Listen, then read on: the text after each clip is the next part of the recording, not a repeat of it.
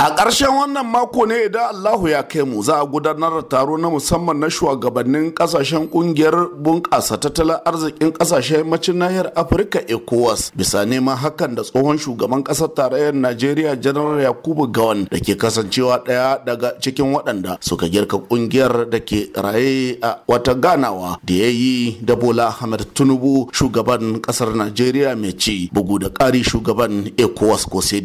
Makasudin kiran taron shine duba matsalolin da suka kai waɗansu ƙasashe membobin ƙungiyar da suka hada da jamhuriyar Nijar Mali da Burkina Faso ficewa daga cikinta da ma maganar takunkuman da aka karkaba musu sanadiyar juyin mulki hasali ma da halin da ake ciki na rudanin siyasa a ƙasar Senegal. Abdul Rajiku na Alhaji Musa mai inkiyar shekarau masanin harkokin ƙasa da ƙasa ne ga abin da yake cewa game da wannan zance. Idan cikin tafiya ana samun shugabanni irin su general yakubu gawai to komi yana iya yiwa duk abin da ake ganin ba ya daidaita shi to za a daidaita shi. Domin kusan ya ga duk al'amuran da suke iya faruwa masu daɗi da mara daɗi. Kenan duk wani misali wanda za a iya zawa ya gane ya fice shi. Menene ci gaban yankunan su na afirka ne kawai ya rage a shekarun shi? Yan nijar da ke kan iyakokin ƙasashen biyu sun bayyana ra'ayoyinsu game da ma fatansu da suke wa wannan taron na ecowas na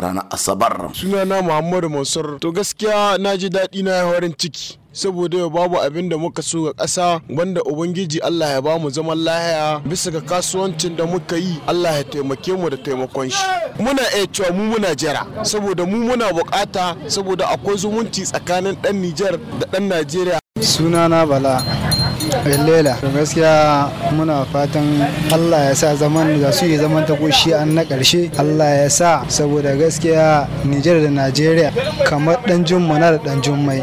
Saboda ko mu daga kasuwanci na nijar a nan garin birnin kwanni gaskiya yana da kyau a ce in dai har wannan zaman da za a yi a fidda takunkumi saboda mu daga kasuwanci nan idan aka yi haka nan gaskiya kowa da kowa zai ji daɗin. Haka zalika 'yan najeriya da ke wannan yankin sun nuna farin cikin su da ma fatan su game da tsoma bakin da janar yakubu gawan ya yi a cikin wannan matsalar ta ecowas. Sunana ahmad cikin jihar to gaskiya dangantar labarin yadda ya gaskiya da hakan da kasance za mu farin ciki sosai. Domin nijar da najeriya lokacin sun zama yan uwan juna. Kuma idan aka yi haka najeriya idan tana cikin yanayi nijar na cikin yanayi haka. Sunana bala.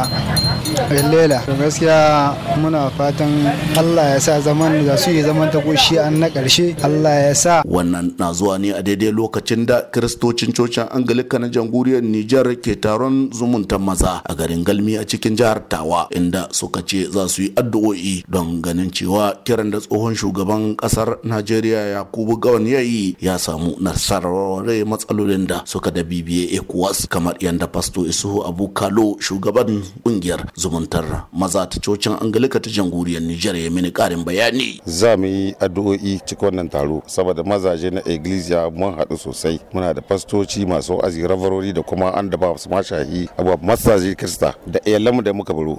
Muna gai kullum a yi addu'a domin ƙasar nan. Kenan idan yakubu gaman ya hito ya wannan bayani addu'o'i sun karɓu. Ai dan da zama ne za a yi to kuma muna ganin alamun karɓar addu'o'i kenan. Kuma ba za mu bari ba za mu ci gaba da yin addu'a saboda samun mahita cikin ƙasar tamu. Haruna mamman bako na birnin kwanni sashen hausa na muryar amurka daga birnin kwanni a jamhuriyar nijar.